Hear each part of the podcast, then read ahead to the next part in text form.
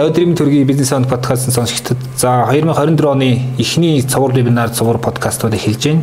За нэг сард бид нэр за нийгмийн хамгааллын сэдв, зам татвар эрх зүй, хөдөлмөрийн эрх зүй гэсэн ерөөхдөө бизнес бизнесийг тойрсон зүйн асуудлыг хөндөж вебинар подкастуудаа хийж байна. За өнөөдрийн зочин бол удирдлага академийн зүйн техникийн ахлах багш ганц цэцэг багш маань ярьсан байна өдрийн мэнд. Өдрийн мэнд. За баярлалаа. За тэгэхээр ганц цэцэг багш битээр ерөөдөө нийгмийн хамгааллын чиглэлээр одоо сүүлийн үед хийгдсэн хуулийн багц шинжилгээний талаар тойрж ярина. Ер нь манай нийгмийн хамгааллын тогтолцооны тэтгэврийн даатгал, тэтгэмжийн даатгал гэдэг одоо энэ одоо би зүгээр ярьж гэнэ бүр ярьж гэнэ. Энэ зүйлүүд маань хаашаа явж гэн те шинжилгүүдийг ер нь бизнесүүд юун дээр анхаарах хэрэгтэй гэдэг дээр ярилцахаар ганц цэцэг багш аваад байна. За тэгэхээр а ганц хэсэг багш маань удирдлага ихтэй бараг одоо 16 жил багшилж байгаа. Хөдөлмөр их зөв нийгмийн хамгааллын сэдвэр ийм дагнан одоо судалгаа шинжилгээний ажил хийдэг хичээл ордог ийм хүн байна. За тэгэхээр тийм болохоор эхлээд ер нь манай нийгмийн хамгааллын тогтолцоо маань бусад улс орны ингээд байдалтай харьцуулахад ямар давуу болон сул талуудтай байна те гэдгээс та эхлээд яхан томилоод яриач. За, ерөөсөө айлч улсад нийгмийн даатгалын, нийгмийн хамгааллын тогтолцоо байдаг. А бидний хувьд бол яг хөө мэдээж өгдгийн энэ өмнө нь 1992 оны 4 дахь одоо бидний мөрдөж байгаа 4 дахь үндсэн хууль батлагдахаас өмнө бол энэ нийгмийн хамгаалал гэдэг юм маань ерөөсөө бүхэлдээ төрийн мэдлэлт байсан. Өөрөөр хэлэх юм бол төр бүх хэрэгдэд ижил тэгш хэмжээгээр нийгмийн баталгааг хангаж өгдөг байсан. А гэтэл бид нар 92 онд үндсэн хуулиндаа шинэ үндсэн хуультай болоод үндсэн хуулийн 2 дугаар бүлэг дээр бид нар хувийн өмчийн харилцааг хүлээн зөвшөөрсөн, олон хэлбэрийн эдийн засгийн хэлбэрийг бид нар хүлээн зөвшөөрсөн.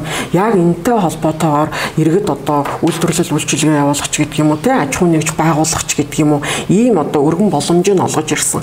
Тэгэхээр яг энэ өргөн боломжийг олгож ирсэнтэй холбоотойгоор нөгөө төр иргэдийн нийгмийн баталгааг хангах боломжгүй болж ирж байгаа. Тийм учраас бид нар нийгмийн даатгалын тогтолцоо гэдэг юм руугаа шилжиж ирсэн.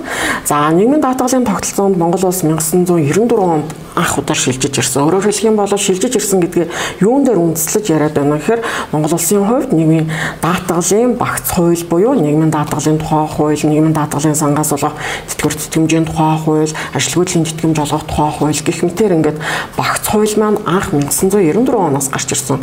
Эндээс бид нар юу харах вэ гэхээр 1994 оноос хойшоо бид нар нийгмийн даатгалын харилцаанд орж ирсэн байна гэсэн үг.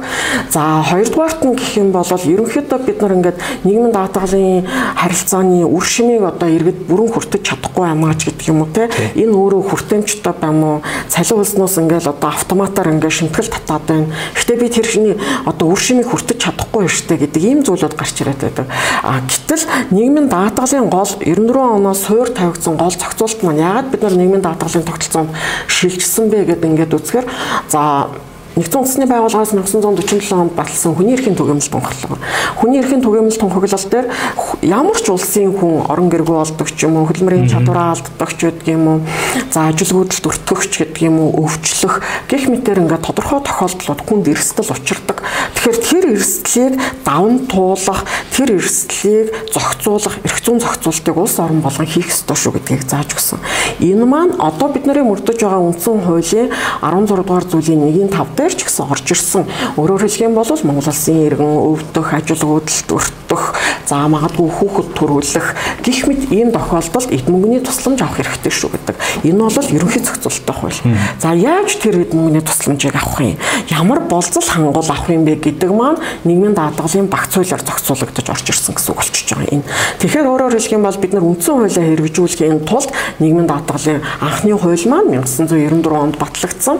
За мэдээж үүдийн цаг үеийн шаардлагаар тодорхой хэмжээний өөрчлөлтүүд ороо яваад байдаг. За ингээд өнгөрсөн оны 7 сард нийгмийн даатгалын багц хууль маань бүхэлдээ шинжлэгдлээ. Энэ бол нэмэлт өөрчлөлт орсон зүйл бол биш. Бүхэлдээ шинжлэгдээд энэ оны 1 сарын 1-ээс мөрдөж эхэлж байна. За Төрөний хэлдгэр нөгөө үр шимийг би одоо цаг дээр хүртэж чадахгүй байна гэж хэлдэг. Нийгмийн даатгалын сангийн, нийгмийн даатгалын зохицуулалтын гол онцлог юу байдаг вэ гэхээр эв самааны зарчим толгуурлдаг. Өөрөөр хэлэх юм бол өнөөдөр би нийгмийн даатгалын шимтгэл төлж байгаа. Цалин хөлс олон түнтэй адилхан хорлогоос.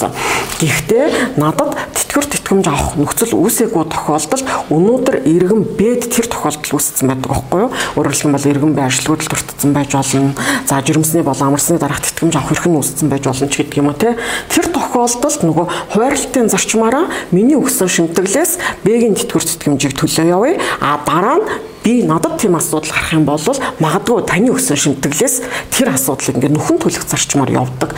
Энэ онцлогийг бас бид нар харах хэрэгтэй болчихж байгаа юм.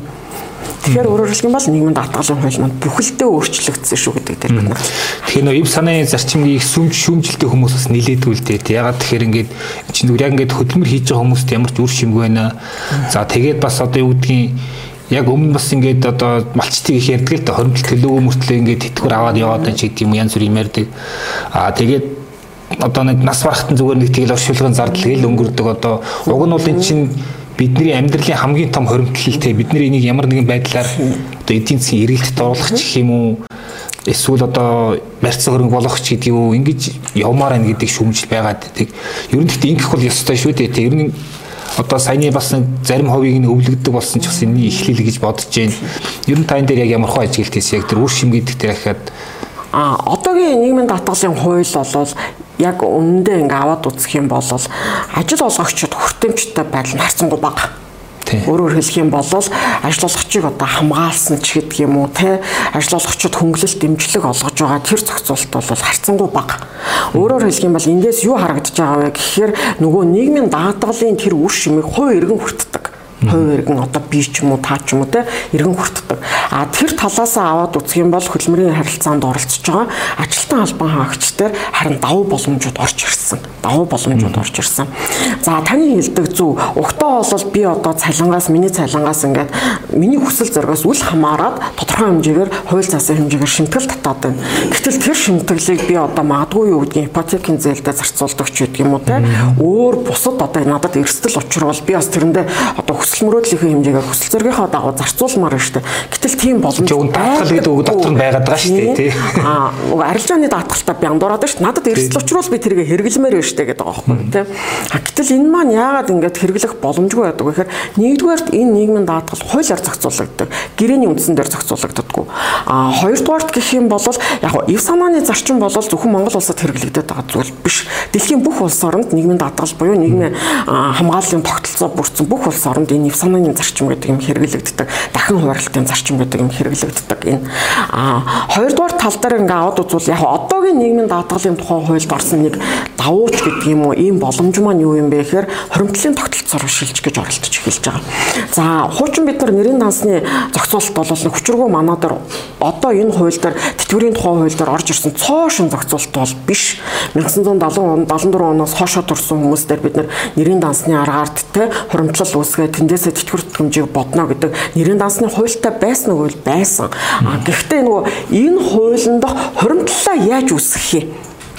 Өөрөөр хэлэх юм бол нийгмийн даатгалын санд одоо ганцгийн оруулж байгаа сар болгоны цалингаас оруулж ирж байгаа 11.5% шимтгэлийг лээс хэдэн хувийн нэрийн данс руу орж байх юм бэ гэдэг наривчлсан зохицуулалт байхгүй байсан учраас нөгөө тэр нэрийн данс маань өнөөдөр хүртэл нөгөө амьлаж чадаагүй байхгүй.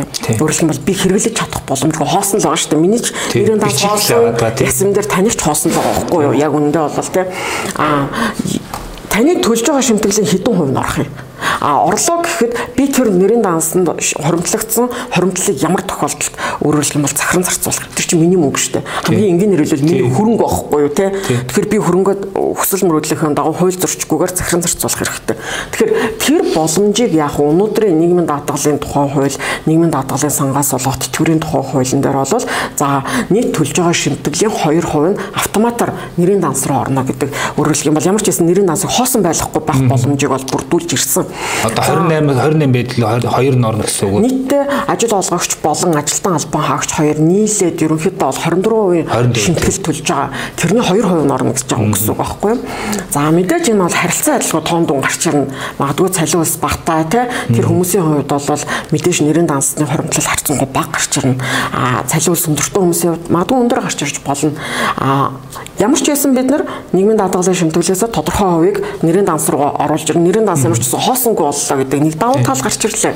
За хоёрдугаарт яг хуу гадуур ингээд хүн болгон яриад байгаа өө нэрэн дансныхаа одоо хуримтлалыг би чинь ипотек зарцуулж болох юм байна ч гэдэг юм уу те өөр бусад зээл одоо сургалтын төлбөртөө ч гэдэг юм уу зарцуулж болох юм байна гэдэг энэ өөрчлөлтүүд гарч ирсэн. Гэхдээ яг одоогийн байдлаар энэ өөрчлөлтийг бид нар хэрэглэх боломж байхгүй байгаа. Өөрөөр хэлэх юм бол за та тэрийг ипотекийн төлбөртөө төлөх юм уу зээлийн төлбөртөө төлөх үгүй юу гэдэг маань баялагын сангийн хууль нэмэлт өөрчлөлт орсны дараа энэ маань амилж эхэлнэ гэсэн. А яг одоогийн байдлаар бол баялагын сангийн хуулинд нэмэлт өөрчлөлт ороогүй байгаа. Энэ. За дараагийн нэг яг хүн болгоны Гэхдээ бол тийм мөнгөтэй болол байж байгаа. болж байгаа маань давуу тал шүү гэдгийг хэлэх гээд байгаа нэгдүгээр. А хоёрдугаарт одоо ажил олгогч олгогч татвар төлөгч нарын бас нэлээд бухимдалтай ханддаг. За зөвхөн татвар төлөгч ажиллагч нар биш хөдөлмөрийн харилцаанд ороод цалингаас албан журмаар нийгмийн даатгал шимтгэл төлдөг ажилтан албаагчийн хувьд ч гэсэн бас нэлээд жоохон тийм бухимдангуй ханддаг зүйл бол яагаад бид нар малчтын нийгмийн даатгалын шимтгэлийг төлөх ёстой юм бэ те гэдэг ийм асуудал гарч ирж байгаа юм. За малчтын нийгмийн даатгалын шимтгэл гэдэг бол хуучин бол сайн дурын үндсэн дээр авдаг гэсэн. За тэгээд дийлэнхтэй ингээд тэтгэврийн насан дээр хүрнэ. Тиймээс хүнлэмжиндээ тэтгэврийн насанд хүрдэг. За эсвэл тодорхой эрсдлүүд гарч ирдэг, амьсаа алддаг ч гэдэг юм уу ийм тохиолдлууд гарч ирэхээр тэр хүмүүсийн хувьд нөгөө нийгмийн даатгалын шимтгэл төлөөгүй учраас сангаас одоо тэтгэвэр тэтгэмж авах ямар ч боломжгүй болж ирдэг. Тэгэхээр нөгөө автоматар нөгөө нийгмийн халамж гэдэг юм руугаа орж ирэхээр нийгмийн халамжийн эцэстээ бас л таны төлсөн татвараас бүрдэж байгаа шүү дээ тий. Тэгээд тэр бүрдэж байгаа татвараас л тэр хүмүүсийг бас л бид нар халамжлах зайлшгүй шаардлага гарч ирсэн. Тэгэхээр одоогийн нийгмийн даатгалын хуулийн дээр орж ирсэн бас зохицуулалтаар бид нар бас ингээд наривчилж харах хэрэгтэй болчихж байгаа. Шууд би 50% төлөх юм байна шүү дээ тий. Тэр мянгат малчны одоо би баг надаас баян хүний тий нийгмийн даатгалын шимтгэлийн 50%-ийг одоо би арай хийж амьдарч ийж тий тэгээд төлнө гэдэг одоо энэ зөв үгүй юу? Энэ шударгаас нийцч юм уугүй юу гэдэг ийм асуудал гарч ирж байгаа. Тэгэхээр энэ дээр бас нэг арай өөр зохицуулалт байгаа шүү гэдгийг хэлэх гэж байгаа юм. За нэгдүгээрт нь гэх юм бол малчд болвол нэгдүгээрт нийгмийн даатгалын шимтгэл төлж байж тэтгэр авах ёстой шүү гэдэг боломж нь орж ирсэн. За ялангуяа жишээлх юм бол малчнаар 20 жил ажилласан. За тэрнийхээ 15 жилд нь яг малчнаар ажилласан те 20 жил шимтгэл төлсөн. Тэрнийхээ 15 жилд нь малчнаар ажилласан эрэгтэй хүний хувьд бол за 60 нас хүрэх юм бол тэтгэрээ тогтоолох эрх нь өсөж чинь. За эмэгтэй хүний хувьд бол 15 жил шимтгэл төлсөн малчнаар. А тэрнийхээ 12 жил 7 сард нь яг малчнаар ажилласан тохиолдолд 55 наснда тэтгэрээ тогтоолох боломж нь бүрдсэн. За гэхдээ бид нар энэ хүмүүсийн 15 ч юм уу тэр шимтгэл төлж байгаа 20 жилд нь бүхэлд нь 50% даана гэсэн үг биш шүү гэдгийг анхаараарай. За өөрөөр хэлэх юм бол ерөөсөө малчны нийгмийн даатгалын шимтгэлийн 5 жилийнх нь нийт шимтгэлийнх нь 50% дээр нь төр оролцож байгаа шүү гэдгийг анхаарах хэрэгтэй болчихж байгаа. За хоёрдугаарт нь тухайн тэр 5 жилийн за шимтгэл дээр тухайн малчин өөрөө шимтгэлээ төлсөн байх хэвээр 50%. А 50% төлсөн тохиолдолд үлдсэн 50% нь төрөөс гарна шүү гэдэг дээр анхаарах хэрэгтэй болчихж байгаа. За дараагийнх нь малчин орлогоо яаж тодорхойлсон байж болно? Өндөрөөр тодорхойлсон байж болно? Үгүй тэгвэл одоо надаас гарах гэж байгаа мөнгө тэр өндөр хэмжээгээр гарах юм уу гэдэг асуудал гарч тийм үгүй шүү.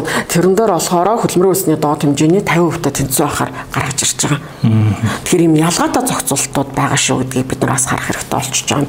Доод хэмжээний 50% 50% та хөдөлмөрийн өсний тухайн үед мөрдөгдөж байгаа. Хөдөлмөрийн өсний доод хэмжээгээр төр хариуцсан гэсэн үг болчихж байгаа байхгүй а ингэж хариуцахын тулд тэр малчин эхлээд өөрөө 50% шимтгэлээ төлсөн байх үүрэгтэй болчихж байгаа төлсөн байж л дараагийн 50% орж ирнэ гэсэн. А хэрвээ малчин 50% шимтгэлээ төлөөгүй тохиолдолд энэ зохицуулалт хэрэгжихгүй болчихж байгаа байхгүй?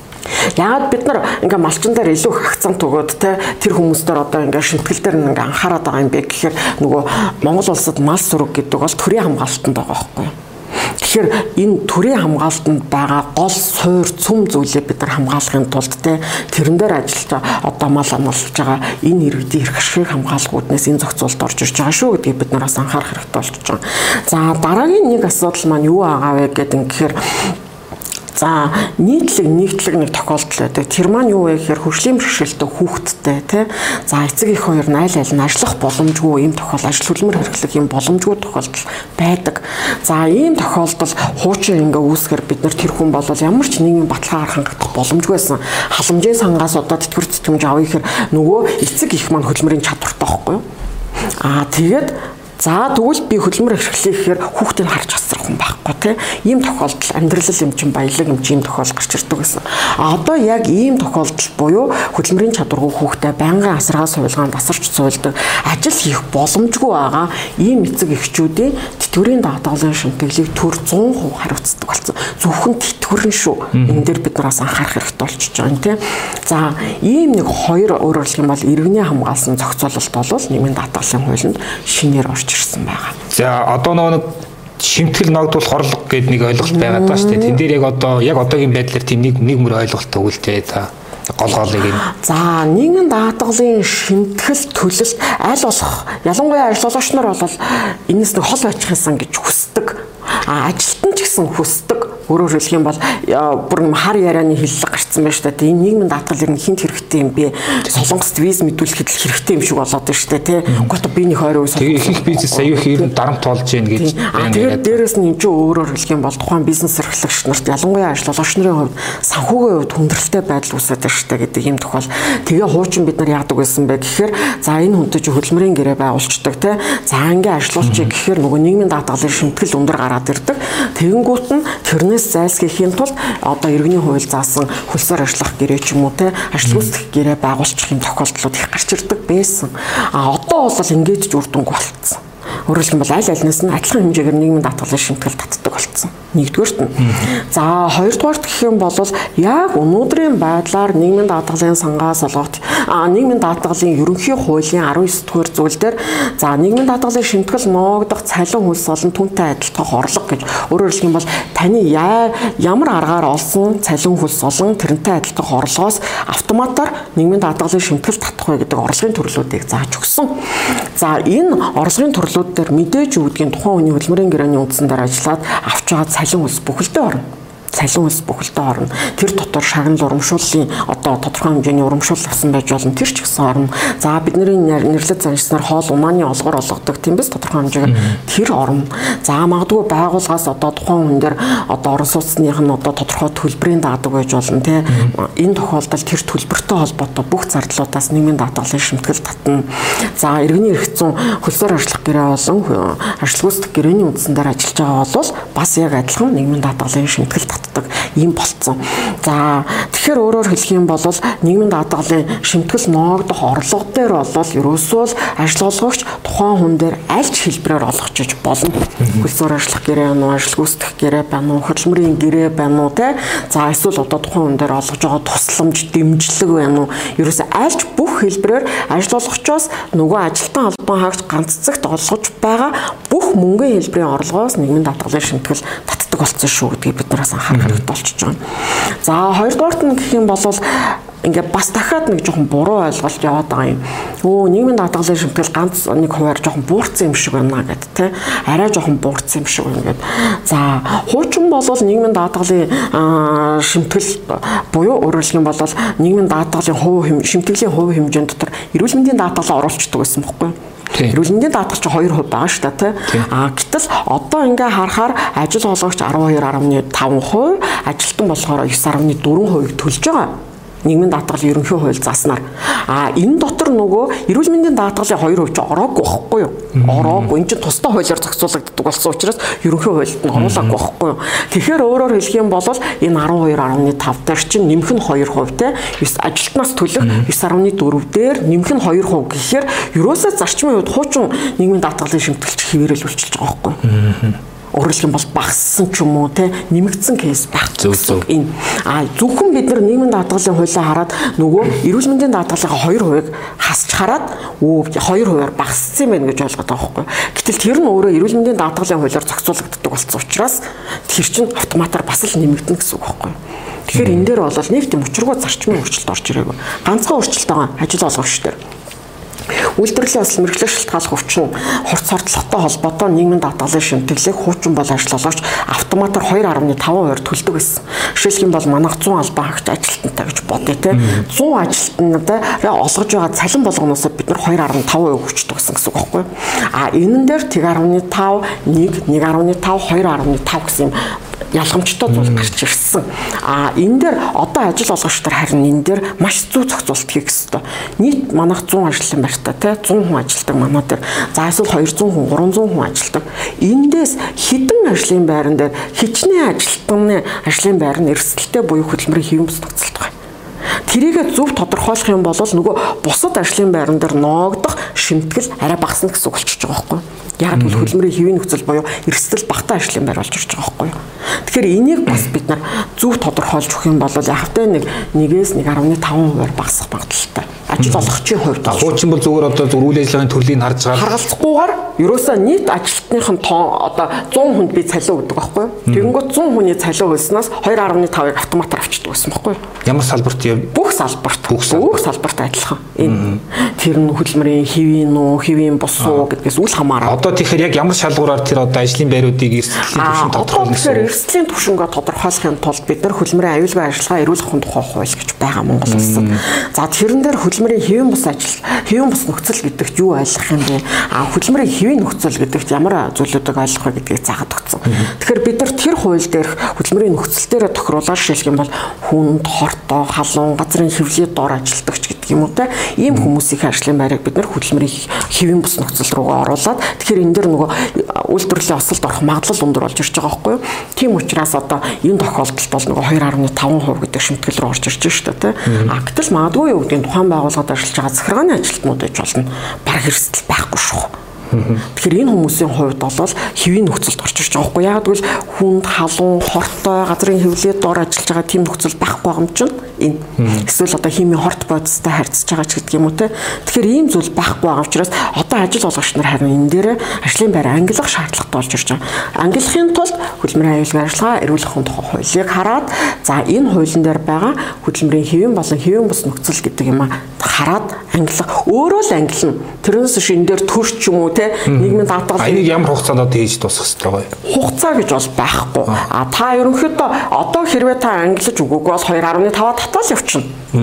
А ажил олгогч ангилаад хүүе миний нийт албан хаагчийн чинь те за нэг 10% л энд хамаарах юм биш те. Тэрийг албан байдлаар нийгмийн даатгалын нийгмийн даатгалын самдаар нийгмийн даатгалын шимтгэл тулдаг сум дүүргийнхаа хэлцээр одоо тухайн байгууллагыг хариуцсан байцаагч байгаа шүү дээ те. Энэ байцаагчтай бид нар хамдаад өөрөөр хэлэх юм бол манай нийт ажлын байрны 10% нь юм биш үү гэх юм бол нөгөө нийгмийн даатгалын шимтгэл төлөлтөй чинь нөгөө төлөлтийн хувь дээр нь өөрчлөлт ороод ирнэ гэсэн үг байхгүй. Тэгэхээр бид нар ч хүссэн үсээгүй цахим хэлбэрээр нийгмийн даатгалын шимтгэлээ төлж байгаа юм чинь нийгмийн даатгалын шимтгэл төлдөг нийгмийн даатгалын хилцтэй ингээд бид нар энэ талаараа мэдээлэл өгчих юм бол тэндээс автоматар өөрөлдөх юм бол одоо манай нийт ажлын байр нь 10% дээр 2.5 ч юм уу те үлдсэн дээр 1.5 ч юм уу 1.5 гэдэг процентууд орж ирэх боломжтой болсон гэсэн үг. Нэг ийм л ажил олгогчид орж ирсэн ганц хөнгөлөлт яг шимтгэл дээр нь шүү. Ийм хөнгөлөлт бол байгаа. Одоо нөгөө нэг цалин ингээ нөгөө юу бүтэн олгоно гэдэг нэг ойлголт байгаад байгаа шүү дээ. Тэн дээр та нэг юм нэг мөр ойлголт тэр нь ямар үр дагавартай байж болох вэ гэдэг юм уу те. Аа цалин хөлсийг бол цалин хөлсний асуудлыг бол яг нийгмийн татгалын хуулиар зохицуулдаг. Хөдөлмөрийн тухай хуулийн 100 дугаар зүйлээс эхлээд зохицуулж эхэлдэг. Нэгдүгээрт нь. За хоёрдугаар гэх юм бол цалин хөлс гэдэг маань юу юм бэ гэдгээ бид нар ойлгох хэрэгтэй болж ирж байгаа. За хөдөлмөрийн тухай хуулийн 102 дугаар зүйл зааснаар цалин хөлс гэдэг бол албан тушаалын үндсэн цалин. Энэ маань юу хэлж байгаа вэ гэхээр та тухайн хүний хөдөлмөрийн гэрээ зааж өгсөн цалин. За нэмэх нь нэмэгдлүүд орж болно ур чадварын ажилсан жилийн ч юм уу те мэрэгжлийн зэргийн ч гэдэг юм уу нэмэгдлүүд орж болно. За нэмэх нь нэмэгдэл хөлс ордог. Илүү цагаар ажилласан, шөнийн цагаар ажилласан, уртсгасан цагаар ажилласан. За байгууллагаас олгож байгаа тодорхой хэмжээний урамшууллууд орж ирдэг. Энийг л бид нар цалин хөлс гэдэг юмд оруулж ирдэг. За тэгэхээр нөгөө э, хөдөлмөрийн тухай хуулийн 102 дугаар зүйл дээр цалин хөлс гэдгийнхаа бүрэлдэхүүнийг дөрвөн зүйлээр хязгаарлагдсан байна шүү дээ тий. А гэтэл амьдрал дээр одоо шилжих юм бол би өөр газар одоо ажил хийгээд нэг тодорхой хэмжээний орлого олж болно тийм. За эсвэл одоо юу гэдгийг би магадгүй хүүхдээ харж явах хугацаанд нийгмийн даатгалын шимтгэл төлөөд орлого олчих болно тийм. Хөлбөмбөр улсны доод хэмжээгээр сайн дураараа төлөөдөж байдаг юм уу. Тэгэхээр энэ зүйлүүд дээр ч нөгөө нийгмийн даатгалын шимтгэл ногдуулах шаардлага орж ирэхээр хөдөлмөрийн хуулиар чинь цалин үс гэдэг юм дээр орж ирэхгүй болчиход байгаа байхгүй юу. Тэгэнгүүт одоо нийгмийн даатгалын ерөнхий хуулийн 19 дугаар зүйл дээр цалин хөлс болон түүнтэй адилтгах орлого гэлцсэн юу Зөвхөн цалин үлснээс. Өмнө яг тийм даатгалын хуулины тийм байгааг үгсэн үг тийм. Өмнө нь бол цалин үлснээс гэдэг байсан байхгүй. Аа зөв зөв. Тийм. А тэгэнгүүт цалин үлснээс өгчөөд а бусад орлого олно шүү дээ тий. Одоо нэг бүтээл төрөл хийдэг ч гэдэг юм уу. Одоо зөвлөгөө үйлчлэгээ үзүүлдэг ч гэдэг юм уу. Энэ тохиолдолд бид нар орлогын албан дотроо хувийн орлогын албан дотроо төлөө өвчдөг гэсэн бол одоо цалинхөөс түнтэй адилтгах орлого гэдээ оруулаад ирсэн байхгүй. Тэгэхээр нөгөө түнтэй адилтгах орлого гэдэг маань одоо бусад арга замаар те хөлмөр ашиглаад олж ирж байгаа нэмэлт орлогууд маань бас орж ирэх боломжтой болсон шүү гэдэг. Өөрөөр хүн ямар нэг хөдөлмөрөөр 100 төгрөг олж ирсэн ч гэсэн тэрнээс нэмэлт даатгалын шимтгэл төлөхөөс болцсон л гэсэн үг болчихж байгаа юм. Одоо нэг байгууллагуудаас чи нийгмийн даатгал ер нь нөгөө түрүү ярьсан хоёлаа санхүүд их дарамт болж байна гэж нөгөө өөр ингээл үүссэн байгууллагууд маш их байдаг шүү дээ. Ер нь яг одоо юу гэдгийг ийм даатгал дээр одоо бүртгэл мэдээлэл байдаг л хта тийм хэмжээний би одоо нэг 50 60 мянган яг үйл ажиллагаа явуулж байгаа тайлбар өгж байгаа газар байгаа. Тэднээс хэдэн хувийн өртөө болчиход байгаа. Яг тэр дарамт нь хэдийн хэмжээний том зургаар нь харуул ямар байгаа гэдэг тэр тоонууд байдгүй та нар. Яг уу статистикийн 12 12 цагийн мэнэр бол тоо гарна л та. А яг бусад татварыг бодвол одоо аж ахуй нэгж орлогын албан татварч гэдэг юм уу те тухайн байгууллага яг аж ахуй нэгж гэдэг утгаараа төлж байгаа бусад татварыг бодвол нийгмийн даатгал дээр харьцангуй гайгүй байдаг. Харьцангуй одоо өөрөрлөх юм бол одоо мэдээж өргөг байгуулах гэж байхгүй шүү байхгүй байгаа. А гэхдээ бүр хэдэн жилээр дамжсан өртөө ч юм уу те тийм зүйл байдаг. Яагаад гэвэл энэ нийгмийн даатгалын шимтгэлийг зөвхөн ажил олгогч төлөх үүрэгтэй биш би бас төлдөг байхгүй юу? Тэ ажил хийж байгаа хүн. А гэтэл энэ хүн маань шаарддаг байхгүй юу? Өөрөөр хэлэх юм бол заавал татварын ерөнхий газар хүүшээ чи орлогын албан дотроо төлөөгүй байх те. За одоо торгуултайгаа нийлээд албангтайгаа нийлээд хэд боллоо гэдгийг хэлж өгдөггүй. Өө энэ ажил олгогч миний нийгмийн даатгалын шимтгэлийг төлөөгүй. Тэрнээс болоод би ажилгүйдлийн тэтгэмж авч чадсангүй. За энэ ажил олгогч миний нийгмийн даатгалын шимтгэлийг төлөөгүйгээс хугацаанд нь төлөөгүйгээс болоод би одоо жирэмсний болон амарцны дарга тэтгэмж авч чадсангүй те. Магадгүй хөлмөрийн чадвар алдаа тахирт болж болно шүү дээ. Тэгвэл нөгөө хүн маань өө энэ ажил олгочоос ч юм болоод ингэчлээ гэдэг юм надаас бас хяналттай байдаг байхгүй ажилтнаас хяналттай байдаг учраас энэ бол харьцангуй баг нүүдэлтэй харьцуулах дараа гайгүй гэсэн үг. Харьцангуй баг өөрөөр хэлэх юм бол тийм үрийн дараа үр үссэн тийм одоо нэг урт те ийм дараалал нь бол харьцангуй баг байдаг шүү гэдгийг бусад татварыг бодвол шүү. Юм бол орлогын аж ахуй нэгжийн бусад татварыг бодвол харьцангуй баг байдаг. А тэр бусад татвар маань нөгөө ажил олгогчийн үйл ажиллагаатай ажил олгогч өөрөө мэдээд шүү дээ те. Нөт дээр ч юм уу эсвэл аж ахуй нэгжийн орлогын албан дотор ч гэдэг юм онцгой албан дотор ч гэдэг юм уу те. За одоо энэс би яаж энэ удаадаа төлөх боломж байхгүй гэдэг чинь зөвхөн тэр хүний асуудал болж ирж байгаа байхгүй. А тэгэнгүүт та төлөөгүй байх гэдэг татвар шаардна. А харин нийгмийн даатгалын шимтгэл танаас ч хамаарна надаас ч хамаардаг учраас нөгөө тэнд ажиллаж байгаа 100 ажилтан чинь бүгдээрээ ярьдаг байхгүй юу? Хүүшээ та миний шимтгэлийг хугацаанд нь төлөөгөөс болоод би өндөр насны тэтгэврээ тогтоолгож чадахгүй анч гэдэг юм уу те. Одоо хамгийн бидний бүр нийгмийн даатгалаас хамгийн түгээмэл авдаг тэтгэвэр тэтгэмжийн хэлбэр бол за яг практик дээр бидний ярьсан листний мөнгө гэж ярьдаг хөдөлмөрийн чадвар төр алдсны тэтгэмж байдаг байхгүй. Тэгэхээр танаас болоод би тэр хөдөлмөрийн чадвар төр алдсны тэтгэмж авч чадахгүй шүү дээ ч гэдэг юм уу те. За ийм тохиолдлууд гарч ирдэг учраас нөгөө яг өөрт нь хөдөлмөрийн гэрээний үндсэн дээр ажиллаж байгаа ажилтан албаагч хяналт тавьчихж байгаа учраас харьцангуй одоо юу гэдэг нийгэмд яг хойшилсан тохиолдлууд бол байдаг. Энэ сар төлж чадаагүй ч юм уу те 2 3 сараар хойшилсан тохиолдол байдаг болохоос ш учиргүй бүр ингээд төлөөгүй тэрэн дээр бүр ингээд хасах баланстай явсан кейсүүд бол харьцангуй бага байдаг байгууллагууд дээр. За бас энэ одоо шинжилэл дотор одоо нэг шимтгэлийн хөнгөлт гэдэг нэг юм шин зохицуулт яваад байгаа шүү дээ. Энэ яг юу гэсэн үг вэ? Энэ дээр одоо ажил олгогч ялангуяа ямар За шимтгэлийн хөнгөлөлтөй холбоотойгоор яг би эхлээд нэг нийгмийн даатгал ер нь ямар ямар төрлийн тэтгэвэр тэтгэмж олгодгийм бэ гэдэг талаар нэг товчхон мэдээлэл өгч юм. За нийгмийн даатгалын багц хууль гэхээр ер нь ямар хуулиуд байгаа юм гэдгийг нэгдүгürt бид нар мэдэх хэрэгтэй. За нийгмийн даатгал ерөнхий хууль байна. За ерөнхий хуулиас яг ажил олгогч нарт эсвэл ажилтан надад хэрэгтэй ямар зохицуултаа байгаа гэдэг ингээд харахаар нэгдүгürt би тэндээс хувь хэмжээгээ харж болно. Үшээ би ч одоо ямар хэмжээний шимтгэл төлөх юм бэ гэдэг. А хоёрдугаарт нь гэх юм бол ерөнхий хуулиас ярьж байгаа шүү. А хоёрдугаарт гэвэл ер нь миний ямар ямар төрлийн орлогоос авах байгаа юм те шимтгэл. За гурав дахь нэг тохиолдол маань юу байдаг вэ гэхээр а ер нь бол одоо бол харцсангүй гайгүй болсон. Яг л нөгөө хөдөлмөрийн харилцаанд оролцож байгаа хүмүүс төр үе хоорондын ялгаа гараад ирцэн те хөдөлмөрийн дэвтэр дэвтэр дээр ажилладаг хүмүүсийн тоо багасаад ирлээ шүү дээ. Тэр хүмүүс одоо насны хувьд яаж ч утсан өндөр насны тэтгэврээ тогтоолгоод ирсэн учраас. Тэгэхээр хуучин бидний хувьд жишээлх юм бол цэргийн албанд хаал пассан хугацаа энэ шимтгэл төлсөн хугацаанд хамаарах юм уугүй муу ч гэдэг юм уу те? 90-91 оны хооронд ажилгүй болсон хүмүүс байгаа штэ. 90 оноос өмнө ажилгүй болоод байгууллага байхгүй болсон. Архиваас хайгаад ч олддггүй лавлгаа мэдээлэл байдаггүй. Ийм хүмүүсээ ч одоо шимтгэл төлсөн юм уугүй мүү гэдэг ийм асуудлууд гарч ирдэг. Тэрэн дээр өөрөөр хэлэх юм бол ажилласан жилиг нөхөн тооцоо зохицуулалтууд бол ерөнхий хуулийн дээр байгаа юм.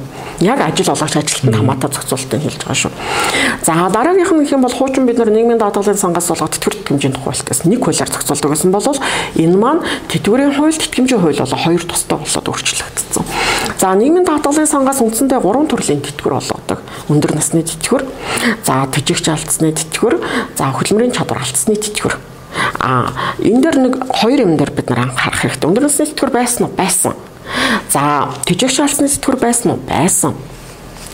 За хөдөлмөрийн чадвар алдсны тэтгэвэр гэдэг юм орж ирсэн. За энэ хөдөлмөрийн чадвар алдсны тэтгэвэр гэдэг бол хуучин бол тахир дутуугийн тэтгэвэр гэж нэрлэдэг гэсэн байхгүй юу? А энэ тахир дутуугийн нэр томьёо нь өөрчлөгдөөд хөдөлмөрийн чадвар алдсны тэтгэвэр гэж нэрлэдэг болсон шүү. Тэгээ бид нар анхаарах хэрэгтэй болчихж байгаа юм. За тэтгэмжийн хууль бол нийтдээ 5 төрлийн тэтгэмжийн асуудал яригдж байгаа. За энэ дээр бол хөдөлмөрийн чадвар түр алдсны түрэн бол бүр алдсан ба шүү дээ. Тэгээ 70-аас дээш хуваар алдсан. Түр алдсан нь листний лист одоо өөрөлдөх юм бол актта байх өрхийн эрүүл мэндийн тусламж үйлчилгээ авах тухай хууль зааснаар өрхийн анхаарчны эрүүл мэндийн төвөөс буюу одоо бидний нэрлэж зансан өрхийн эмнэлгээс акт авдаг тийм магадлага авдаг. Магадлалын хугацаанд идэж чадахгүй болно шүү дээ. Өвчлөл. Тэр тохиолдолд бид нар хөдөлмөрийн чадвар түр алдсны буюу листний асуудал яригддаг. За хөдөлмөрийн чадвар түр алдсны тэтгэмж, жирэмсний болон амарцны дараах тэтгэмж, ажилгүйдлийн тэтгэмж. За тэгээд дараагийнх нь юу байгаа вэ гэхээр за 3 хүртэлх насны хүүхэд буюу бага насны хүүхдэд харж асраад өөрөө сайн дул сайн дураараа нийгмийн даатгалын шимтгэл төлсний тэтгэмж гэдэг нэг юм шин зохицуултууд орж ирсэн гэсэн үг болчихж байгаа юм. За шимтгэлийн хөнгөлөлт гэдэг нэг ойлголт орж ирсэн. За ялангуяа энэ ажил олгогч төр учиргүй амар одоо юу гэдгийг таны одоо төсөвттэй ингээл учиргүй нэмэр олох зохицуулт бол биш. Хэлэх юм бол нэг одоо бүр ингээд бодит үр дүн гарах хэмжээний одоо их хэмжээгээр бол гарч ирэхгүй шүү гэдгийг хэлэх гэж байгаа юм. А тэр юунаар гарч ирж байгаа гэхээр ажилгүйдлийн даатгалын шимтгэл дээр гарч ирж байгаа зүйл. За сүүлийн 3 жилийн хугацаанд та байгууллагаас нэг ч хүний хөдөлмөрийн харилцааг дус сургалгаагүй, цуцлаагүй тохиолдолд за шимтгэл төлсөн сүүлийн 3 жилийн хугацаанд одоо ажилгүйдлийн даатгалын шимтгэл төлснөөс ч төлсөн нийт шимтгэлээс чинь а 3 жилийн хугацаанд 15 хувиар хөнгөлнө л гэдэг юм байна. Тэгэхээр өөрөөр хэлэх юм бол одоо та бодоод үзээрэй. Ажилгүйдлийн тэтгэмж, ажилгүйдлийн даатгалын шимтгэл маань нийгэмд нөгөө ажилгүйчоос олгож байгаа 12.5 биш үү те тэрний чинь 2 хувь байгаа шүү дээ. Тэгэхээр 2 хувиас ч л 1 1.5 2 хувиас ч л энэ шимтгэлийн хөнгөлөлт тооцогдсон шүү гэсэн үг болчихж байгаа байхгүй тэр их шалахгүй юм бэ. Өөрөөр хэлэх юм бол нэг тийм одоо баялагын санд чинь те өсрөнгөө одоо орлого ашиг шим үүсэхгүй шүү гэдгийг бид нар анхаарах хэрэгтэй. Хэрэгтэй энэ эрэг зохицуулт мөн үгүй мөн те а хоёрдугаарт яг нь ер нь бол бид нар 3 жилийн хугацаанд нэг ч хүний хөдөлмөрийн харилцааг дуусгахгүй байх гэдэг боломж бас өөрөө тийм боломжтой зүйл биш байхгүй юу бас бид нар тэрийг бодох шүү дээ. Тийм дээ. Энд бүт зоронтооны өөрчлөлт хийж болно те. Бид нар өвөн төлөө цахим үндэстэн бэлээ. Магадгүй тэр хүний хийдэг ажлыг цахимаар гүйцэтгэдэг болчихвол одоо би тэгээд заавал тэр хүнийг цалинжуулаад суугаад шаардлага байхгүй шүү дээ. За магадгүй тэр хүн хөлмөрийн чадвараа алдаж болно те. Өстөө нөгөө тахир дутуугийн тэтгэвэр буюу хөлмөрийн чадвар алдсны тэтгэвэр авах үс тохиолдол үүсч болно. За эсвэл зөрчил гаргаад байдаг хүн байж болно шүү дээ. Уу одоо тэгвэл би тэгээд одоо ер нь 3 жил гэдэг зүйл дээ. 3 жил гэдэг бол бас тийм богино хугацаа биш байхгүй юу? Нэгдүгээрт нь хэлбэл бол 3 жилийн хугацаанд би өнөөдөр 100 албан хаагчтай байжснаа 2026 оны яг өнөөдрийн түвшинд би яг тэр 100 та байна гэдэг бол бас нэлээд тийм төвхтөө а яг хүний нууцаа маш сайн бүрдүүлж чадсан байгууллагын хувьд байж болно л доо. Тийм. Ер нь хэцүү. Ер нь тэгэл хэцүү. Яагаад гэвэл бид нар чинь хувьсан өөрчлөгдөж байгаа цагны цаг үед амьдарч байгаа байхгүй тий. Мэдгүй дараа жил ямар ч одоо шинэ нөхцөл байдал үүсгийг бид нар таашгүй шүү дээ тий. Өөрөлдөх юм бол бид нар чинь тодорхойгүй бүх зүйл хувьсан өөрчлөгдөж байгаа. ВУК орчинд амьдраад байгаа шүү дээ. Ер нь бол ковидоос хойш. Тэгэхээр тэр юм тохиолдолд бас нэг юм 3 жил гэдэг бол жоохон хүндрэлтэй байж магадгүй. Аа яг орж ирсэн давуу тал. А одоо нэг үр шим гэдэг дээр нөө өвлөгддөг болсныг бас шин зохицуулт байгаа тий. Гэхдээ энэ дээр би сонсох торио хөө гэжсэн те. Жаахан багуул гэсэн сэтгэл төрөөлээ л да. Аа энэ бол тэтгэвэр дээр яригдчихэж байгаа зүйл. За ер нь бол нийгмийн даатгалын сангийн шимтгэлийн орлогын дийлэнх нь мэдээж үгдгийн дийлэнхт бол тэтгэвэр дээр зарцуулагдаж байгаа шүү дээ. Тэ тэтгэвэр дээр зарцуулагдаж байгаа. Ялангуяа тэр дундаа өндөр насны тэтгэвэр дээр дийлэнхтэй зарцуулагддаг. За өндөр насны тэтгэвэр гэдэг бол яг одоо ингээ миний хувьд ингээ харахад би бол одоо тэтгэвэрт гарах арайч болоогүй хаа те. Энэ хүмүүс ямар өндөр тэтгэвэр авд эсвэл зарим нь ямар баг тэтгэр авд юм байж гэдэг юм уу ийм тохиолдлууд байдаг. Тэгэхээр өндөр наслах гэдэг бол бүх хүндэл тохиолдно. Надаа тодорхой хугацааны тохиолдол тохиолдно, таньжиж тохиолдно тийм. Энэ бол харьцангуй тогтвортой тэтгэврийн төрөл واخгүй. За өндөр насны тэтгэвртэй холбоотой ерөнхийдөө одоо тэтгэвэр авах нас ч байдаг юм уу эсвэл одоо тэтгэвэр авах одоо болцол буюу шимтгэл төлсөн хугацаанд дээр параметрын хувьд ерөөсөө өөрчлөлт ороогүй хуучин хിവэрэ байгаа. Яг энэ дээр нэг юм анхаараарай гэж хэлэх гэж байгаа. Ажлуулагч нарын хувьд нэг зүйл анхаарах хэрэгтэй болчихж байгаа.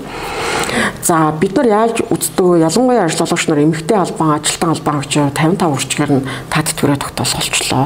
Эрэгтэй албан, ажилтан албан гэж 60 хүрчгээр нь тат тэтгэврээ тогтоол олчлоо гэдэг. Энэ бол хувийн хвшилтж байдаг төрийн байгууллага дээр ч гарч ирдэг кейс. Гэтэл нийгмийн даатгалын сангаас олгох тэтгэврт хэмжээнд тухай хуульд нэмэлт өөрчлөлт 2021 онд өөрчлөлт ороод энэ нас чинь өөрчлөгдсөн шүү гэдэг бид нар анхаарах хэрэгтэй. Одоогийн нийгмийн даатгалын сангаас олгох тэтгэврийн тухай хуулийн 5 дугаар зүйл дээр өндөр насны тэтгэврийг зааж өгсөн. А энэ өндөр насны тэтгэврийн 5 дугаар зүйл дээр тайлбар гэдэг хэсэг дээр тухайн хүн тэтгэр тогтоолгох насанд хүрсэн боловч 1961 оноос хоошоо төрсэн хүмүүсийн хувьд эмэгтэй эрэгтэй хүмүүсийн хувьд жил тутам дээр 3 3 сар нэмэгдэж байгаа шүү гэдэг анхаарах хэрэгтэй. Өөрөөр хэлбэл шууд 55 таад нь юм уу эсвэл 60 таад нь бид нар гарах боломжгүй болсон байхгүй юу? Жишээлх юм бол 1963 онд төрсэн эрэгтэй даатгуулагч байсан гэж бодъё. За нийгмийн даатгалын сангаас олгох тэтгэврийн тухай хуулийнхаа 5 дугаар зүйлийг харсан чинь за 25 жил шимтгэл төлсөн 65 нас хүрвэл автоматар тогтоолгоно а 20 жил төлсөн тий за 60 нас хүрчих юм бол өөрөө хүсвэл тогтоолгоно хүсэхгүй байж болно шүү дээ Гэхдээ би одоохондоо миний тэтгэвэр арай л бага тогтоогдох гэдэг. Хүсэхгүй бол тэрэнд ажил олгогч оролцох эрхгүй. А тэгэнгүүт одоо бид нар аа чи 60 гэсэн байна гэж юм те. Тэгэнгүүт тэр доор нь тайлбар дээр нь 60 та эрэхтэй чинь 3 3 сараар нэмэгдэн шүү Тэгэхээр 63 оноос одоо тэтгэврээ тогтоолгож ирж байгаа хгүй. Яг бол 62 60 баг нэг жиш явах нэг тийм шүү дээ. Одоо 60 61 60 61 62-ын ч тогтоолгоцсон байхгүй юу? Юм бол 62 хүрсэн. А 63 оноос одоо эхлээд яригдчих эхэлж байгаа хгүй юу? Тэгэнгүүт 63 он төрсэн хүн Өөрөөр хэлэх юм бол тэр 25 жил 20 жилийн шимтгэл тулсан болцлыг хангацсан байж болно. А насны хувьд хангахгүй болж ирж байгаа байхгүй юу? А насны хувьд энэ хүн хизээ хангах вэ гэсэн чинь тэр 5 дугаар зүйлд орсон тайлбараараа бид нар харах юм бол 61 нас 6 сартаа тэтгэврээ тогтоолох. Энэ Тэгэхээр өөрөөр хэлэх юм бол эн чинь хугацааны хувьд хойшлцсон шүү гэдгийг бид нар анхаарах хэрэгтэй болчихж байгаа. Нэгдүгээрт нь За энэ параметр хуучинчээс одоо ч гэсэн хിവэрэ байгаа шүү гэдэг. Ялангуяа энэ нөгөө нэг он он дээр харгалцсан 3 3 сар нэмэгдэж байгаа шүү гэдгээ бид нар их сайн бодож үзээрэй. Тэгэхгүй болохоор нөгөө 60 та 55 та хүнийг тэтгэр тогтоолох гээд одоо хөдөлмөрийн харилцааг дуусгар болгочдөг. Нөгөө хүн маань шүүхтдэг тий. За ингээд одоо хэдэн шатаар 3 сар ажиллах байтал тий. 3 шатны шүүхээр ингээ ороод яатангууд эргүүлээд ажилтан тогтоочдөг. Энэ тохиолдлууд байдаг. Тэгэхээр бид нар энэ дээр юун дээр алдаад байгаа вэ гэхээр хууль хэрэглэн дээр алдаад байгаа байхгүй юу? 60 гэдэг 55 гэдэг тоон дээр л бодоод байдаг. Гэтэл эн чинь нөгөө хэдэн он төрсөн бэ гэдгээс хамаарат хугацаа өөрчлөгдсөн байгаа шүү гэдгээ бид нар бас бодож үзэх хэрэгтэй болчихж байгаа. Нэгдүгээрт нь. За дараагийн нэг асуудал нь тэтгэвртэй холбоотой яг өндөрнсний тэтгэвртэй холбоотой орж ирж байгаа зүйл бол мэдээж одоо бүгдээрээ мэдж байгаа. Дараас нь 7 жилийн дунджаар бид нар тооцдог байсан бол нэг 5 жил болж өөрчлөгдсөн. Дараас сүүлийн 5 шимтгэл төлсөн 20 жилийнхэн сүүлийн 5 жилийн дунджаар нь бид нар өндөр насны тэтгэврээ за тэтгэвэр бодож байгаа арга дээр бол их өөрчлөлт ороогүй. Өөрөөр хэлэх юм бол яг хоёр арга байгаа. Нэрийн дансны арга, цалин дундсалсан арга гэсэн юм хоёр арга байгаа. За ялангуяа цалин дундсалсан арга бол 1979 оноос өмнө төрсэн бүх хүн хамаарна.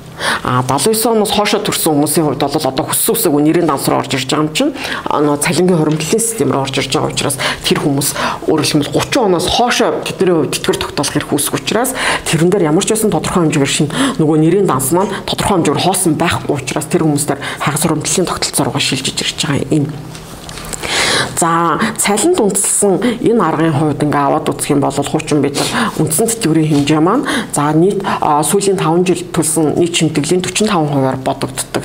Цалин үсний дунджийн 45%-аар бодогддог. Энэ арга яг хിവэрээ л байгаа. За яг нэг өөрчлөлт орж ирсэн.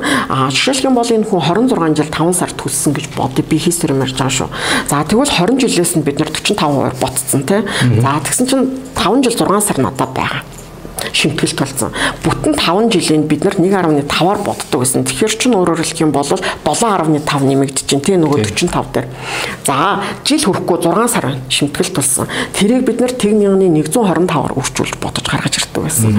А одоо болохоор яадаг болсон бэ гэхээр нөгөө тэр жил буюу 5 жилийг сар руу шилжүүлсэн. Өөрөөр хэлэх юм бол 1.5 гэдэг юм байхгүй. Жишээлх юм бол энэ хүн 26 жил 6 сар шимтгэлт төлсөн гэж үзвэл 20 нь бол угаасаа 45% үндсэн тэтгэврийн хэмжээ гарч ирлээ. Нөгөө 6 жил 6 сараа бид нар сар руу оруулна гэсэн үг байхгүй юу? Тэгэхээр сар руу оруулахаар хичнээн сар чим тоо гарч ирэн тэ. Тэрийгээ бид нар 1.5-аар биш 1125-аар үржүүлжээж нөгөө 45 дээр нэмэгддэг болсон гэсэн. Тэгэхээр яг нөгөө 1.5 гэдэг тоо байхгүй болсон шүү гэдгийг бас бид нар анхаарах хэрэгтэй болчихж байгаа юм. За дараагийнх нь бол яг та бид нар өмнө сонгол болохоор л хамтын тэтгэвэрч гэдэг юм уу те тэтгэвэр өвлөгдөх хуультай бол энэ төр гэл ингээл юм ярьдаг. Гэхдээ эн чинь өөрөө боломжгүй. Яагаад гэвэл тэтгэврийн даатгалын сангаас зөвхөн өндөр насны тэтгэврийн тэтгэврийн одоо би тэтгэврийг бид нар олгодоггүй. Эндээс хөдөлмөрийн чадвар алдсны буюу тахир дутуугийн тэтгэвэр олгоно те тэжигч алдсны тэтгэвэр олгодог учраас өөрөөр хэлэх юм бол энэ торомтлогдсон мөнгө юм гурван төрлийн тэтгэвэр зарцуулагддаг учраас тэрийг бид нар хамтын тэтгэвэр гээл те эсвэл тэтгэвэр өвлөгдөх бие даасан хууль руу оруулчаар тэр чинь зөвхөн өндөр наснд хамаарч байгаа байхгүй юу. Тэгтэл энэ сангийн мөнгө өөрөө гурван өөр тэтгэвэр зарцуулагдчих хэвээр байхгүй юу. Тэгэхээр бид нэр тийм одоо бие даасан хуулиар зохицуулах боломж байдаггүй. Нэгдүгээрт нь за яг ингээд харахаар ингээд өвлөгдөж байгаа гэдэг нэр томьёо хэрэгэлсэн. За ингээд өвлөгдөж байгаа сайн зүйл мөн үгүй мөн. За яг хэмжээний хувьд харьцангуй бага тэрэн хувь гэдэг юм байгаа. За энэ дээр мэдээж ийм асуудал үүсдэг. Ягаад хэрвээ өвөл юм бол гэр бүлийн гишүүдэд нөхгүй юм те. Одоо хүүхдэд нь ч юм уу те одоо хиндэнчүүдийн хөхгүй байгаа юм. Яагаад зүйл зөвхөн нөгөө нас урсан даатгуулагч ихнэр нөхөрт өгöd байгаа юм. Одоогийн хуулиар бол зөвхөн ихнэр нөхөрт өгнө шүү дээ нэгдүгээрт нь. Тийм. А тэгэхээр эн чинь өөрөө өвийн шинжийг алдаж ирээд байна гэдэг юм нэг маргаан бол байгаа маргаан бол байгаа. А хоёрдугаарт нь гэх юм бол яг 20% үргэлжлэн бол нас урсан даатгуулагчийн авчирсан тэтгэврийн 20%-ийг одоо үлдсэн ихнэр нөхөр байгаа шүү дээ тий. Тэрний тэтгэвэр дээр нэмж олгоно гэдэг зохицуулалт бол орж ирсэн. Хэлэх юм бол одоо авч байгаа тэтгэвэр дээр ч нас урсан ихнэр нөхрийн чинь тэтгэврийн 20% нэмэгдэж орж ирж байна л гэдэг юм зүйл байгаа юм. За энийг авахын тулд Нэгдүгээрт нь тухайн хоёр хүн маань 20 жил амьдарсан байх хэвээр. А хоёрдугаарт нь гэх юм бол гэрэлтэй батлуулсан байх хэвээр. А яг энэ дээр нэг эрсдэл гарч ирнэ магадгүй юу тий 17 8 19 жил амьдарсан хүмүүс байж болно шүү дээ тий тэгээ нас уртч болно тий. Тэгэнгүүт энэ кейс өөрөрлөх юм бол энэ зохицуулалт тэр хүнд үйлчлэх болж ирж байгаа энэ. Тэгэхээр энүүгээр бид нар юу харах хэрэгтэй вэ гэхээр Монгол улсад хууль тогтоомжуулал жоохон тийм хуурай зохицуулалттай шүү гэдгийг бид нар бодох хэрэгтэй өөрөрлөх юм бол тухайн тохиолдол болгонд хамаарах зохицуулалтууд орж ирдэггүй Тэгэхээр нэлээд тийм ширүүн зохицуулалттай шүү гэсэн үг байхгүй юу? Энэ 19 жил 5 сар амьдарчаад магадгүй нас урчиж болно шүү дээ. Бид нар таашгүй үсттэй. Тэгээ яах юм 5 үлдсэн хугацаанд нь би 7 сарыг би яах юм те. Тэгтэл яг одоо энэ хуулиар бол бид нар боломжгүй. Өөрөлдөх юм бол тэтгэр өвлөгдөх кейс гарч ирэхгүй болчихж байгаа байхгүй юу? Энэ За дараагийн нэг асуудал нь хэрвээ өвлөгдөж байгаа юм бол ягаад 100% өвлөгддөггүй юм гэдэг асуудал гарч ирдэг. А тэгэхээр энэ өөрөө нөгөө тэтгэврийн даатгал маань гурван өөр төрлийн тэтгэврт одоо шимтгэл маань гурван өөр төрлийн тэтгэврт зарцуулагддаг учраас бид нар энэ 100% гэдэг тоос яагаад ч боломжгүй. А зүгээр өв гэдэг үг хэрэгэлсэн оновчтой үгүй юу гэдэг асуудал гарч ирнэ. Яагаад гэвэл хэрвээ өвийг хэрэгжилж байгаа бол бид нар гэр бүлийн бүх гишүүдэд хамрах хэрэгтэй байхгүй юу? Одоо хүүхдүүдэд нь ч байдаг юм уу те энэ гэр бүлийн бүх гишүүдэд хамрах хэрэгтэй. Гэтэл бид нар болохоор хуулиараа их нэг гэрээслийн зарчмаар үгний явах хэрэгтэй шүү дээ. А иргэний хуулийн 510-аар хуулисны өв залгамжлагч гэдгээр явах хэрэгтэй. А гэтэл одоогийн байдлаар бол хууль маань өөрөөр хэлэх юм бол зөвхөн эхнэр нөхөр гэдэг хязгаарлалтаар явж ирж байгаа. Энэ. За дараагийн Дараагийнх нь болохоор тэр 20 жил амьдарсан байх гэдэг нэг шаардлага байгаа. А энийг бид нар бодит байдал дээр жоохон буруу ойлгоод байгаа байхгүй юу? Өө нэг хаягн дээр 20 жил амьдрах юм байна. Уу одоо орчлон тийм тохиол байхгүй. Нэг хаягн дээр тийм жорон байраа өөрчилж болно тийм жоршин байгаа газар өөрчилж болно. Тэгэхээр тийм зүйл бол байхгүй шүү гэдгийг бид нар бодох хэрэгтэй болчихж байгаа. Зөвхөн 20 жил 20 жил амьдарсан гэдэг юу нь бодлого гэрэлтийн баталгаал бодлого байхгүй юу? Энэ аа бидний хувьд нөгөө монголчуудын өөрсдийн амьдралын хэв маягийн онцлог гэж байдаг. Ялангуяа бид нар тархаа бутархаа байдлаар сууршмал байдлаар бид нар амьдрах нь харьцангуй бага штэ. Яг уу одоогийн байдлаар бид нар Улаанбаатар хотоо те нийт хүн амын бараг худалчин 50 45% нь Улаанбаатар хотод амьдраад байна. А тэрнээс ш бусад хүмүүс маань ингээд орон нутаг тархаа бутлаа. Өөрөөр хэлбэл энэ маань бид нар уламжлалтай холбоотой те нүүдэлчин соёл иргэншилтэй холбоотой юм зүйл. Тэгэхээр ингээд бодхоор та бодоод үзээрэй одоо тэр багт байгаа 20 жил 25 жил 26 жил амьдарч хүмүүс байж л байгаа. А гэтэл тэр хүмүүсийн хувьд гэрэлтэй батлуулаагүй тохиолдлууд байгаа шүү дээ. Тэ гэрэлтэй батлуулаагүй. Ийм хамтран амьдрах хэлбэрээр яваад Тэгээд 20 одоо баг алтан хурмаа хийх төвшөнд очсон ч юм уу те тэр янз бүрийн хурмаа хийх төвшөнд очсон хүмүүс байж л байгаа. А тэгэхээр ийм бас нэг кейсүүд гарч ирж байгаа. А гэхдээ энэ бүртгэл гэрэлтийн баталгаар шаардж байгаа нь буруу зүйл гэж хэлж байгаа юм биш шүү. Энэ бол зөв. А яагаад гэвэл энэ хамтран амьдрагчийн кейс маань ихсээд ирэхээр энэ дээр хүүхдийн асуудлууд хөндөгдөж ирдэг те. За тэжин тэтгэгчийн асуудлууд хөндөгдөж ирдэг. Тэгээд өвийн асуудлууд хөндөгдөж ирдэг. Маргаанууд их гарч ирдэг учраас энэ гэрэлтийн баталгаа байх гэдэг юм нэгдүгээр зөв. А хоёрдугаарт бид нар чинь иргэний бүртгэлийн хуультай. Хуулийн дээр угаасаа гэрэлтэй бүртгүүлэх үүрэгтэй байхгүй? А тэг яг хөө тэрийгэ бид нар бүртгүүлээгүй бол танд ийм хариуцлага хүлээлгэн гэдэг хариуцлагын механизм байхгүй учраас л ингээл нэг хамтран амьдрагч хэлбэрээр яваад байдаг.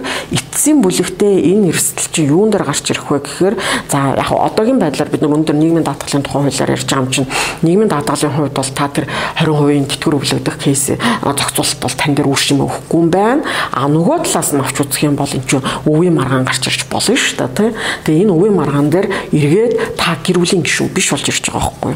Тэгэхээр ийм ийм кейсүүд гарч ирдэг учраас яг нэг талаасаа харахаар бидний нөгөө дасан зохицсон амьдралын хэв маягтай нийцгүй байгаа мэт боловч бид нар бас ховсон өөрчлөгдөх шаардлагатай шүү гэдгийг л илэрхийлж байгаа юм. За баярлалаа. За ингээд подкаст өндөрлөлийн хоёлаа тийм ээ бас нэлээ чухал сэдвэр чухал чухал мэдээллүүдийг өглөө. Аа ганц сугшаан бас бизнесмен дээр вебинар вебинарыг яг энэ сэдвэр хийсэн байгаа. Тэн дээр илүү ойлгомжтой байгаа. Тэндээс та бүхэн бас одоо яг энэ багц шинжилгээний талаарх нэгдсэн ойлголтуудыг илүү дэлгэрэнгүй авах боломжтой шүү. За ингээд танд баярлалаа. Баярлалаа. Подкаст тавьсан.